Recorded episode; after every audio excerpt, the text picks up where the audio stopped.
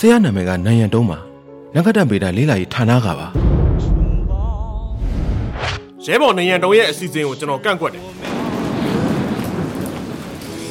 ဟာလောက်နေ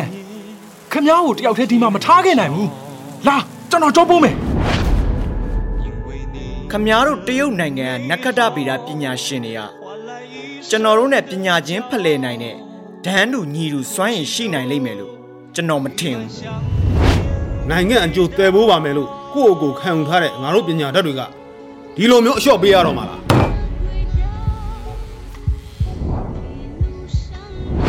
မင်းရဲ့ရေဒီယိုမှန်မြောင်းစီမံကိန်းကို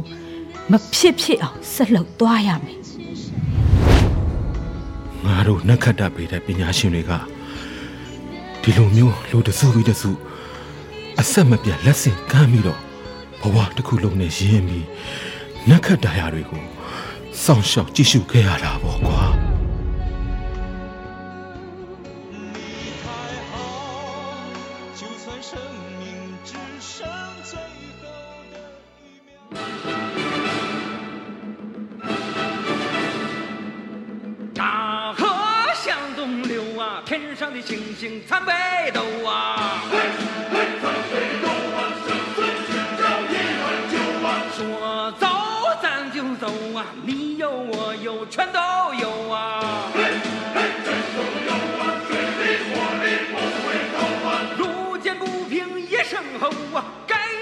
出手。ရွေရာသီညနေဆောင်တစ်ခုမှာတရုတ်နိုင်ငံသိပ္ပံအကယ်ဒမီကျောင်းရဲ့ဝန်ထမ်းအဆောင်ခြံဝန်းထဲမှာအိမ်ငန်းတိုင်းကဖွင့်လှစ်ထားတဲ့ပဒင်းမောက်တွေကနေရုပ်တံဇတ်လန်းတွေ Water Margin ရဲ့ဇဝင်တေးသချင်းတန်တွေပေါ်ထွက်နေပါတယ်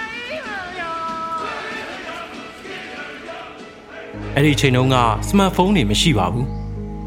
အင်တာနက်ဗီဒီယိုတွေမရှိသလိုဆိုရှယ်မီဒီယာတွေလည်းမရှိပါဘူးညစာစားပြီးရင် TV ကြည့်တာဟာ တရုတ်နိုင်ငံသားတွေအတွက်အရေးပါဆုံးဖျော်ဖြေမှုတစ်ခုပါပဲ CCTV ရုပ်သံဌာနကရိုက်ကူးတဲ့ Water Margin ဇတ်လန်းတွဲဟာအဲ့ဒီတုန်းကအကောင်းဆုံးထိတ်တန်းဇတ်လန်းတွဲပဲဖြစ်ပါတယ်ဒီအချိန်ခါမှာဇတ်လန်းတွဲထုတ်လွှင့်တဲ့အချိန်ကိုရောက်လာပြန်ပါပြီ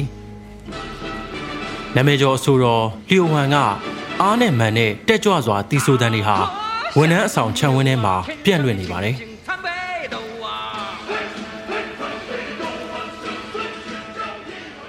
တရုတ်နိုင်ငံရဲ့နာမည်ကြီးစွမ်းအင်မြင့်ယူပဗေဒပညာရှင်ဒုံးမြန်နဲ့အမှုမြူပုံတီထွင်ရေးရဲ့အဓိပတိပုဂ္ဂိုလ်တရုတ်နိုင်ငံသိပ္ပံအကယ်ဒမီကျောင်းရဲ့ကျောင်းအုပ်ကျိုးကွမ်းချောက်ကလက်ဆွဲအိတ်ကိုကင်ပြီးဝန်ထမ်းအဆောင်ခြံဝန်းထဲကနေရှောက်နေပါတယ်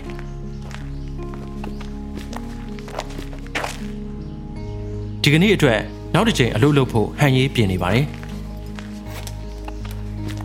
ရုံးခန်းကိုပြန်ရောက်တာနဲ့ကျိုးကွမ်းချောက်ကရုံးစပွဲရှိမှထိုင်ပြီးစာရွက်ချင်းထဲကနေ စာရွက်စာတမ်းတစ်ထက်ကြီးကိုယူလိုက်ပါတယ်။ညဘက်အားလက်ချိန်ကိုအသုံးချပြီးကျောင်းဝန်ထမ်းတွေစီကပို့လာတဲ့စာတွေကိုထိုင်ဖတ်တာဟာသူ့အတွက်အကျင့်တစ်ခုလိုဖြစ်နေပါပြီ။ဒီစာကဝန်ထမ်းမိသားစုအဆောင်သွားတဲ့လမ်းပျက်စီးမှုကိုမပြုတ်ပြင်တာကြာပြီဖြစ်ကြောင်းတိုင်ကြားထားတဲ့စာတစ်စောင်ပါ။ဂျိုးကွမ်းချောက်ကစာပေါ်မှာအခုလိုညွှန်ကြားပေးလိုက်ပါတယ်။အင်ယာစီမံခန့်ခွဲမှုဌာနကအမြန်ဆုံးပြုပြင်ပေးပါ စာအိတ်ကိုဘယ်ဘက်ချမ်းမှာရှိတဲ့ချင်းထဲကိုပြန်ထည့်လိုက်ပါတယ်။ဒီတစ်စောင်ကတော့ထမင်းစားဆောင်ကအစားအသောက်တွေရိုးအီသွားတဲ့အကြောင်းတိုင်ကြားထားတဲ့စာပါ။ဂျိုးကွမ်းကြောက်တယောက်မျက်မှောင်ကျုံသွားမိပါတယ်ငါလည်းနေတိုင်းထမင်းစားဆောင်မှာထမင်းသွားစားနေကြပဲယူသွားတယ်လို့မထင်မိပါဘူးလူများတော့ကြီးများတာပဲစပုံမှုလောက်ရတာလည်းမလွယ်ပါလား။သူကစာပေါ်မှာညွှန်ကြားမှုကိုရေးလိုက်ပါတယ်ထောက်ပံ့ရေးဌာနက လူရုရဲ့အကြံပြုချက်များကို အလေးအနက်ထားပြီးဟင်းလျာတီထွင်မှုကို အားစိုက်ပြီးဟင်းလျာအသစ်အမြဲတမ်းလဲလှယ်ပေးပါ။ဒီစာအိတ်ကိုလည်းဘယ်ဘက်ချမ်းကချင်းထဲကိုပြန်ထည့်လိုက်ပါတယ်။ဒီတစ်စောင်ကတော့ဝန်ထမ်းအဆောင်တွေကဝန်ထမ်းသားသမီးတွေကြောင်းတက်ဖို့ခက်ခဲနေမှုကိုတိုင်ကြားထားတဲ့စာပါ။အင်းကလေးတွေကြောင်းတက်နိုင်မှုကအရေးကြီးတယ်အ ခုချိန်ဒီငါးစီကိုဒီပြဿနာလှမ်းတိုင်ထားတာတစ်ခေါက်မကတော့ဘူးဂျိုးကွမ်းကြောက်ကမျက်မှန်ချွတ်လိုက်ပြီးနှထင်ကျောကိုနှိမ့်နေလိုက်ပါတယ်ဒီစာဆောင်ကိုတော့အနီရောင်တရိကန်ပုံကြီးကြီးသုံးခုဆွဲလိုက်ပြီးဘေးမှာတင်ထားလိုက်ပါတယ်မနှက်ဖြန်အရာရှိအစည်းအဝေးမှာအချိန်ယူပြီးတေချာဆွေးနွေးကြည့်ရတော့မယ်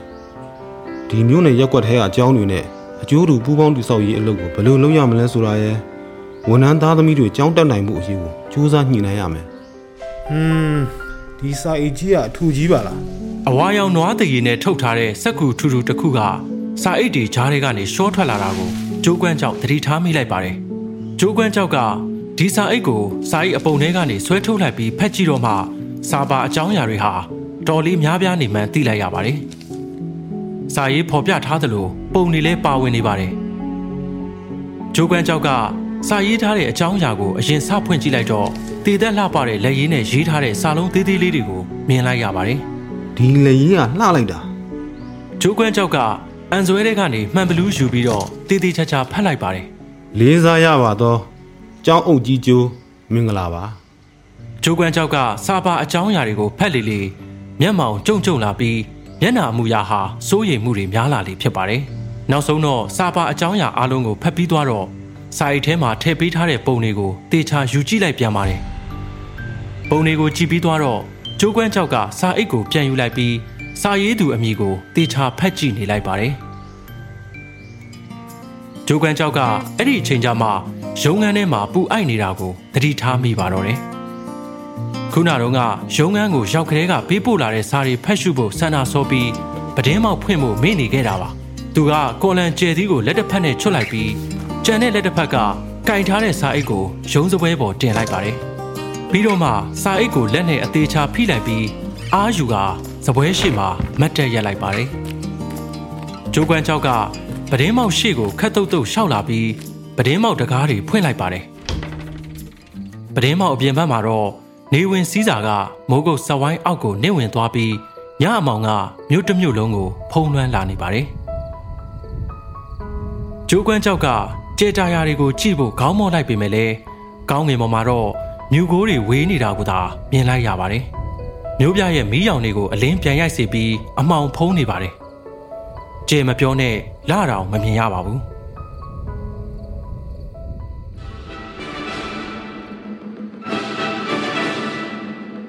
大河向东流啊，天上的星星参北斗啊。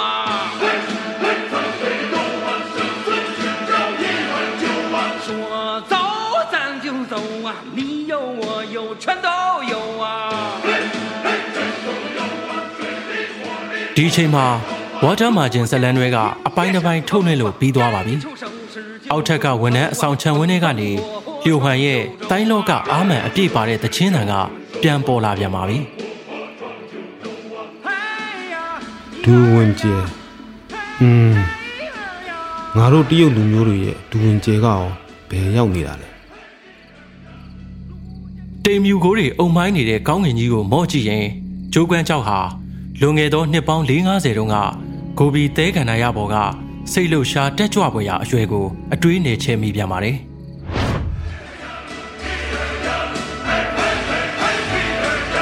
路见不平一声吼啊，该出手时就出手啊，风风火火闯九州啊。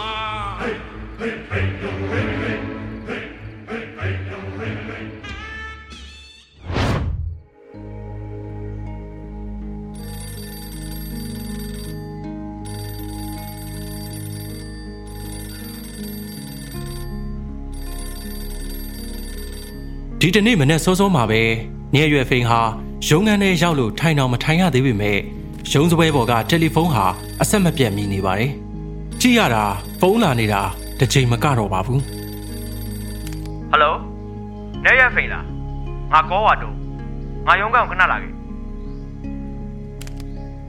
ဖုန်းဆက်လာသူကတရုတ်နိုင်ငံသိပ္ပံအကယ်ဒမီဂျိုရုအဝေးထိန်းအာယုံခံဌာနကဌာနမှူးပါ။ လေတံကိုနားထောင်ကြည့်ရတာတော့ဒေါသထွက်နေပုံရပါတယ်။ညရွယ်ဖိန်ခမညာကန်ဆိုးမလားကန်ကောင်းမလားမသိဖုန်းချပြီးတာနဲ့စိုးရိမ်စိတ်တွေနဲ့အတူဌာနမှူးရုံးခန်းကိုရှောက်လာခဲ့ပါတော့တယ်။ဆရာနေရဖိန်မင်းတိတ်တော်နေရပေါ့ကောဟွာတုံးရဲ့မျက်နှာဟာတင်းမာနေပါတယ်။နေရွယ်ဖိန်ဝင်လာတာမြင်တော့အရင်ကလိုမျိုးသူ့ကိုထိုင်မို့တော့မပြောတော့ပါဘူးအော် ဆရာဟိုဆရာဘာကိုပြောချင်တာလဲမင်းចောင်းကြီးစီတီအလှသွားခံတယ်ဆိုမင်းကတွေ့ဝိုက်တဲ့နီးနဲ့ငါ့ကိုပြဿနာရှာပေးနေတာပေါ့ဟုတ်လားចောင်းကြီးကနေတိုင်းလုံများနေတာမင်းအဲ့လိုသွားပြောစရာလားကွာမင်းကငါ့ကိုရောငါတို့ဂျိုတို့အဝေးတိအာယုံကန်ဌာနကိုပါအိုးမဲတုံနေရလားဟမ်ကောဟွာတုံးရဲ့စကားကြောင့်နေရွက်ဖိန်မှာမျက်နာပူပြီးအနေကျက်သွားပါတယ်ကောဟွာတုံးကတော့နေရွက်ဖိန်ကိုစက်မကြည့်တော့ပဲဖိုင်တွဲတစ်ခုဖွင့်လိုက်ပြီး ဖိုင်ထဲကခွင့်ပြုမိတ်စာတစ်စောင်ကိုထုတ်ခါစပွဲပေါ်ပြစ်တင်လိုက်ပါတယ်ကျောင်းကြီးကျိုးကမင်းပို့လိုက်တဲ့စာကိုဖတ်ပြီးတော့ကျောင်းရံမုံငွေတွေကနေမင်းအတွက်ရွမ်6000ထုတ်ပေးလိုက်တယ်ရေဒီယိုမှန်ပြောင်းစီမံကိန်းရဲ့ပနာမအတီးပြူရေးလှုပ်ရှားမှုအတွက်အသုံးစရိတ်တဲ့နဲတဲ့ဆိုပြီးကြီးများမနေနဲ့ဒီခွင့်ပြုမိတ်ကိုယူပြီးဗန်နာရီရုံးမှာငွေသွားထုတ်လိုက်ရွှန်ရွှန်6000နေရွက်ဖိန်ကဒီကိန်းကနန်းကိုကြားရတော့ကောဟွာတုံးဘာတွေဆက်ပြောနေလဲဆိုတာတော့မကြားရတော့ပါဘူး အဲ့ဒီချိန်တုန်းကကောဟွာတုံးပါဇက်လုပ်ပြီးတခုခုကိုဆက်ပြောနေခဲ့တယ်ဆိုတာပဲသူမှတ်မိပါတော့တယ်ဒါပေမဲ့ဒါတွေကကိစ္စမရှိတော့ပါဘူးရွှန်6000ကအဲ့ဒီခေတ်ကတရုတ်နိုင်ငံမှာအင်မတန်များပြားတဲ့ငွေပမာဏတစ်ခုပါပဲနေရွက်ဖိန်ရဲ့စိတ်ခံစားချက်ဟာရိုလာကိုစတာစီးလိုက်ရတယ်လို့ပဲခုနတုန်းကစိတ်သက်လုံးဝကျနေပြီးအခုချိန်မှာတော့မိုးပေါ်ပြန်ရောက်သွားတယ်လို့ခံစားလိုက်ရပါတယ်ကျေးဇူးတင်ပါတယ်ဆရာနေရွယ်ဖိန်က လက်နက်ဖက်နဲ့ခွင့်ပြုစာကိုယူပြီးပြန်ထွက်ဖို့လုပ်နေချိန်မှာခဏနေအောင်ကောဝါတုံးကအနောက်ကနေသူ့ကိုလှမ်းခေါ်လိုက်ပါတယ်လေတံကတော့ခုနတုန်းကလောက်မမာတော့ပါဘူးဒီရွမ်6000ကကျောင်းကထုတ်ပေးတာဆိုတော့မင်းပြန်သွားပြီးရင်ငါ့ကိုစီးရင်စရာလုပ်ပေးငွေအသုံးစရိတ်ကိုတပြားတစ်ချက်ကအစတိတိကျကျပြန်တွက်ပြီးငါ့ကိုစီးရင်ခန်းစာပြန်တင်ငါလဲငါတို့ဌာနတဲကနေအသုံးစရိတ်ထွက်လာအောင်ထက်ကြံပေးမယ်ဆရာ နေရွယ်ဖိန်ရဲ့အတန်ဟာငိုတန်ပါလာပါတယ်လောင်နံအောင်မင်းပြောပြလိုက်ငါဒီလိုလုပ်ပေးတာမင်းအတွက်လည်းမဟုတ်ဘူးသူမျက်နှာကြောင့်လည်းမဟုတ်ဘူးဒီစီမံကိန်းကိုအားပေးတာနိုင်ငံတော်ပေါ်ငါတာဝန်ကျေခြင်းလို့နောက်တော့ကောဝါတုံးကဂျိုရုအဝေးဒိန်းအာယုံငံဌာနကနေဟိုနဲနဲဒီနဲနဲနဲ့ရွမ်နှစ်သိန်းတိတိအသုံးစရိတ်ထုတ်နိုင်ခဲ့ပြီး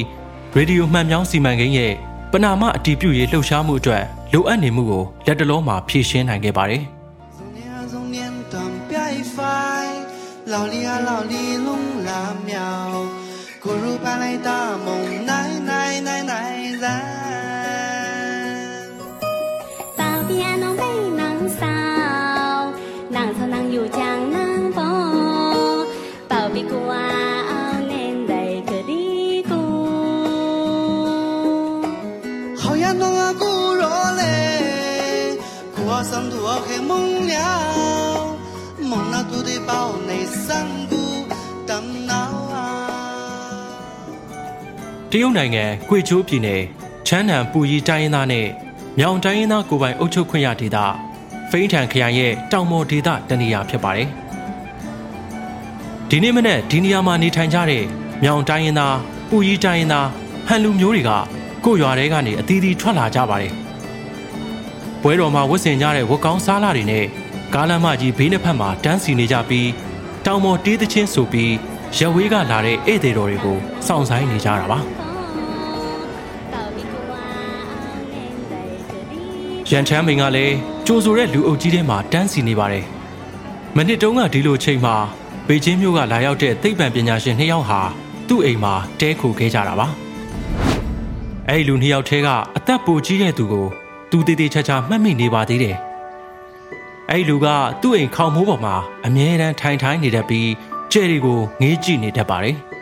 ။တစ်ခါတစ်ခါထိုင်လိုက်ရင်ညတကောင်အထိပါပဲ။နောက်ပြီးတော့အဲ့ဒီလူက secret ကိုဆွဲဆွဲလန်းလန်းတလိပ်ပြီးတလိပ်တောက်တတ်တဲ့အကျင့်ရှိပါတယ်။သူ့ကိုဘယ်အချိန်ကြည့်ကြည့် secret တောက်နေတာမဟုတ်ရင် secret တောက်ဖို့ပြင်နေတာပါ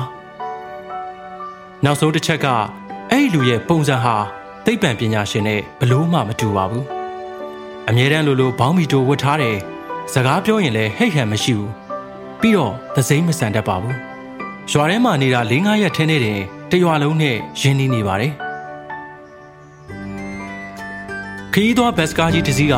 ဖိန်းထန်ခရိုင်ကိုမောင်းနှင်လာပြီးကားလမ်းမကြီးအတိုင်းတောင်ပေါ်ကိုတက်လာခဲ့ပါတယ်။ဘတ်စကားပေါ်မှာရွှေရောင်သပင်မျက်လုံးအပြာနဲ့နိုင်ငံသားတွေအပြည့်လိုက်ပါလာပါတယ်။အဲ့ဒီလူတွေအားလုံးက အပြည်ပြည်ဆိုင်ရာရေဒီယိုမှန်ပြောင်းစီမံကိန်းအဖွဲ့ကပညာရှင်တွေပါ။နိုင်ငံအသီးသီးကလာရောက်ကြသူတွေပဲဖြစ်ပါတယ်။သူတို့ရဲ့ဒီတစ်ခေါက်ခရီးစဉ်ကတရုတ်နိုင်ငံကွေချိုးပြည်နယ်ကချမ်းနံပူရီတိုင်းရင်းသားနဲ့မြောင်တိုင်းရင်းသားကိုယ်ပိုင်အုပ်ချုပ်ခွင့်ရဒေသတွေကဖိန်းထန်ခရိုင်ကတောက်ဝတန်ချိုင်ကိုပါ။နိုင်ရန်တုံးမြဲရွက်ဖိန်တို့ကနေရာရွေးချယ်မှုအစီရင်ခံစာကိုအပြည်ပြည်ဆိုင်ရာနက္ခတ္တဗေဒသမဂ္ဂအဖွဲ့ကိုတင်ပြခဲ့ပြီး နိုင်ငံတကာကပညာရှင်တွေရဲ့အလေးထားမှုကိုချက်ချင်းရလာခဲ့ပါတယ်။နိုင်ရန်တုံးရဲ့စီစဉ်ဆောင်ရွက်မှုကြောင့်နိုင်ငံတကာကပညာရှင်အဖွဲ့ဟာနောက်ဆုံးတော့အဖွဲ့လိုက်ရောက်လာခဲ့ပြီးဒီခီးစဉ်မှာတာဝတန်ချိုင်းကိုအပြည်ပြည်ဆိုင်ရာရေဒီယိုမှန်မြောင်းစခန်းတိစောက်ဖို့ဖြစ်နိုင်ခြေရှိမရှိလာရောက်စစ်ဆေးကြည့်ရှုကြမှာပါ။ဘတ်စကားကြီးကတာဝတန်ချိုင်းနဲ့တဖြည်းဖြည်းနီးလာပါတယ်။ကားလမ်းမကြီးရဲ့ဘေးနှစ်ဖက်မှာပွဲတော်အဝတ်စားတွေဝတ်ဆင်ထားတဲ့ဒေသခံပြည်သူတွေက တချင်းအကတွေနဲ့ကြိုဆိုးနေကြပါတယ်။ကားရှည်ဆုံးထဲမှာထိုင်နေတဲ့နိုင်ရန်တုံးကဘေးနာကဖိန်းထန်ခရိုင်ခရိုင်အတွင်းရေးမှုကိုလှည့်ကြည့်ပြီးအခုလိုမေးလိုက်ပါတယ်ဘာလို့ဒီလောက်တခန့်တနာလှုပ်ထားကြရတာလဲ။အတွင်းရေးမှုကသူ့လှုပ်ထားတာမဟုတ်တဲ့မျက်နှာလေးနဲ့အခုလိုပြန်ဖြေပါတယ်ဆရာနဲ့ကျွန်တော်တို့ဘာမှမစီစဉ်ထားဘူးဗျတောက်ဝတန်ကြီးရွာအုပ်စုကိုပဲအတိပေးအကြောင်းကြားထားတာ တော်တဲ့တောင်ထဲမှာသတင်းပြတ်တာဒီလောက်မြန်မယ်လို့မထင်မိဘူးဗျရွာသားတွေကကိုယ်သိစိတ်ထဲနဲ့ကိုလာကြတယ်နိုင်ငံတော်ကဒီလောက်အရေးပါတဲ့စီမံကိန်းကိုကျွန်တော်တို့စီမှာတိစောက်မယ်ဆိုတာကြားတော့သူတို့အားလုံးကအားပေးထောက်ခံနေကြတာဗျအတွင်းရင်မှုရာကိစ္စမသေးကြသေးဘူးဗျဘာမှလည်းမဆုံးဖြတ်သေးဘူးအခုတည်းကအကြီးကျယ်တွေလှုပ်ပြနေတော့အချိန်တန်ရွာသားတွေစိတ်ပြက်မိမှလည်းစိုးရတယ်ဗျာ။ခရိုင်အတွင်းရေးမှုကနိုင်ရန်တုံးကိုကြည့်ပြီးဘာပြောရမှန်းတော့မသိဘူးဖြစ်သွားပါတယ် နိုင်ငံခြားလာကြတဲ့ဧည့်သည်မိတ်ဆွေတို့ခင်ဗျာတောက်ဝန်တန်းချိုင်းကဝေးလံခေါင်ပြတဲ့နေရာဆိုတော့ကြံတဲ့လမ်းကိုကျွန်တော်တို့ကကားပေါ်ကဆင်းပြီးတော့ခြေချင်းသွားရပါလိမ့်မယ်တောက်တဲ့လမ်းကတိတ်မကောင်းတော့တိကံခွတ်လို့ပေးကြပါဗျာ။နိုင်ရန်တုံးကသွားမဲ့နေရာနဲ့တိတ်မလို့တော့တဲ့အချိန်မှာမတ်တက်ရက်ပြီးဘတ်စကားပေါ်ကမိုက်ခရိုဖုန်းနဲ့နိုင်ငံတကာကပညာရှင်တွေကိုရှင်းပြလိုက်ပါတယ်။ခရိုင်အတွင်းရေးမှုကမတ်တက်ရက်ပြီးနိုင်ရန်တုံးရဲ့ပခုံးကိုလှမ်းပုတ်လိုက်ခါအနာနာကပ်ပြီးခတ်တူးတူးပြောလိုက်ပါတယ် ဆရာနဲ့ပညာရှင်တွေကိုပြောပြလိုက်အောင်ကားပေါ်ကဆင်းစရာမလိုဘူးလို့ကျွန်တော်တို့ကားလမ်းမကိုဂျိုင်ဝမ်တီအောင်ခင်းထားပြီးပြီဘလို့။ဘတ်စကားကြီးကလမ်းစုံလမ်းကွာတစ်ခုကနေဆက်မောင်းသွားပြီးကြောက်စရနဲ့အလွယ်တကူခင်းထားတဲ့လမ်းကြောင်းတစ်ခုကနေရှေ့ကိုဆက်သွားလိုက်ပါတယ်ကျွန်တော်တို့မနစ်ကရောက်ခဲ့တော့ကဒီလမ်းမရှိသေးပါဘူးဟုတ်တယ်ဗျရွာသားတွေကဒီနှစ်ထဲမှာဆရာတို့ကနိုင်ငံတကာကပညာရှင်တွေခေါ်လာပြီးတော့လာရောက်စစ်ဆေးမယ်ဆိုတာကြားလို့ဒီစီမံကိန်းကိုအရယူဖို့ ကိုယ့်ဘာသာကိုလူစုပြီးတော့73ကီလိုမီတာရှိတဲ့မြေလမ်းကိုဖောက်ခဲ့တာဗျကျွန်တော်တို့ခရိုင်ထဲမှာလည်းရွာသားတွေကိုငွေသားနဲ့မကူညီနိုင်ခဲ့တဲ့ခါကျတော့ဂုံးနဲ့စားနဲ့ရိတ်ခါတွေလောက်ပဲကူညီထောက်ပံ့ပေးခဲ့ရတာပေါ့ဗျာအတွင်းရင်မှုရာအခု radio telescope ကဘာမှတော့အတိမပြပါသေးဘူးရွာသားတွေကဒီလောက်အများကြီးပိတ်ဆက်ထားတာမတော်လို့ခမရတို့စီမှာမဆောက်ဘူးဆိုရင်သူတို့ကိုကျွန်တော်ဘယ်လိုမျက်နှာပြန်ပြရမလဲ။နိုင်ရန်တုံးကတွေးမိလေစိတ်မအေးရလေဖြစ်ပြီးစိတ်ထဲမှာ ပြောင်းဆန်ခတ်နေပါတယ်။ရန်ထမ်းမင်းကရွာသားတွေနဲ့အတူကိုယ်တိုင်ခင်းထားတဲ့မြေလမ်းပေါ်မှာမတ်တက်ရက်နေပြီးအရှိကိုလှမ်းမြော်ကြည့်နေပါတယ်။ဒါပေမဲ့ဘလို့စောင့်စောင့်မျောနေတဲ့သူကရောက်မလာပါဘူး။ရွာသားတွေအားလုံးစိတ်ပူနေကြချိန်မှာတစ်တော်အနောက်ဘက်ကဖုန်တလိမ့်လိမ့်တက်လာတာကိုမြင်လိုက်ရပါတယ်။လာပြီလာပြီပညာရှင်ဖွဲ့တွေလာပြီဟဲ့စာတီးကြတော့